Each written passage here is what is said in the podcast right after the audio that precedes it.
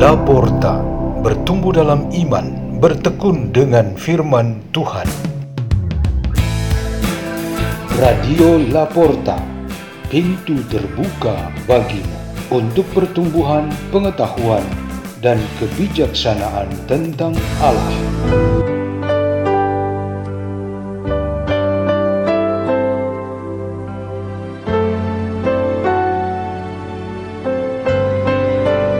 Bacaan dan Renungan Sabda Tuhan Hari Sabtu Pekan Biasa ke-30 30 Oktober 2021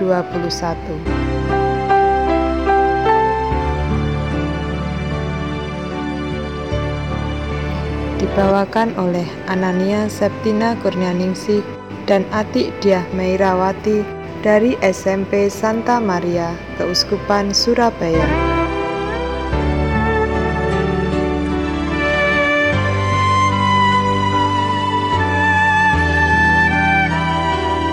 Inilah Injil Yesus Kristus menurut Lukas bab 14 ayat 1 dilanjutkan ayat 7 sampai dengan 11. Pada suatu hari Sabat, Yesus masuk rumah seorang pemimpin orang-orang Farisi untuk makan di situ.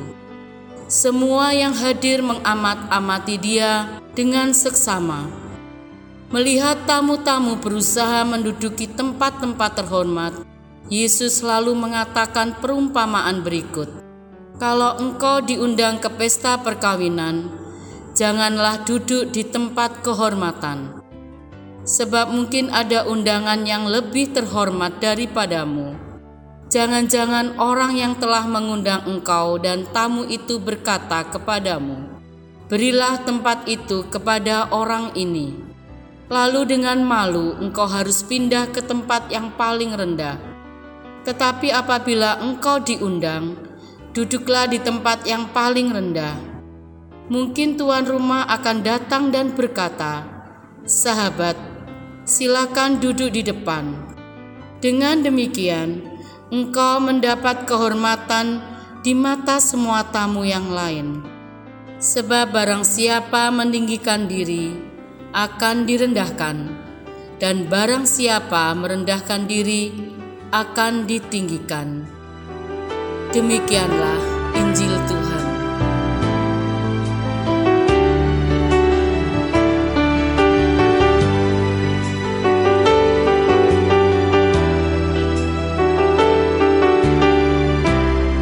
Renungan kita pada hari ini bertema kerendahan hati yang benar. Seorang siswa SMP bercerita tentang bagaimana terpilihnya ketua OSIS di sekolahnya. Ia bersama dengan sejumlah temannya di dalam tim pencalonan berusaha mensosialisasikan kriteria yang dibutuhkan untuk mendapatkan calon yang terbaik.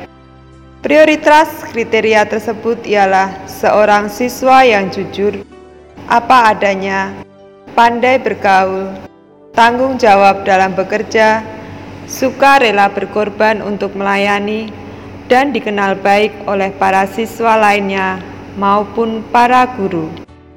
Proses pencalonan itu kemudian tahap demi tahap mengerucut sampai pada seorang teman kelasnya yang dianggap memiliki semua kriteria yang ada. Ketika ditanya apakah ia sungguh yakin kalau teman kelasnya sebagai seorang yang tepat menjadi ketua OSIS. Siswa tadi menjawab begini, Sehari-hari kami melihat dia menyatu dengan semua yang lain dan sudah memiliki semangat pengorbanan dalam bekerja dan melayani tanpa pamrih. Sebaiknya ia melanjutkan saja ke tingkat yang lebih tinggi di dalam OSIS. Perumpamaan yang dikisahkan Yesus di dalam Injil tentang orang yang rendah hati terlebih dahulu memilih tempat di belakang di antara banyak orang di dalam ruang pesta. Gambaran ini mirip dengan pribadi teman kelas tadi yang diketahui oleh umum dengan semua sikapnya yang nyata di antara sesama siswa. berbekal atau berlatar belakang itulah, maka ia dipromosikan dan dipercayakan ke tempat yang lebih tinggi, di depan dan dalam tanggung jawab yang lebih besar. Misalnya menjadi seorang pemimpin. Ini adalah sebuah ciri utama kerendahan hati yang benar. Tuhan meminta kita untuk menjadi rendah hati, karena Ia sendiri menjelaskan dirinya sebagai yang lemah lembut dan rendah hati. Bunda Maria ikut mengingatkan dalam nyanyian Magnificat bahwa mereka yang tinggi hatinya dan jongkak akan dipermalukan dan diusir pergi dengan tangan hampa.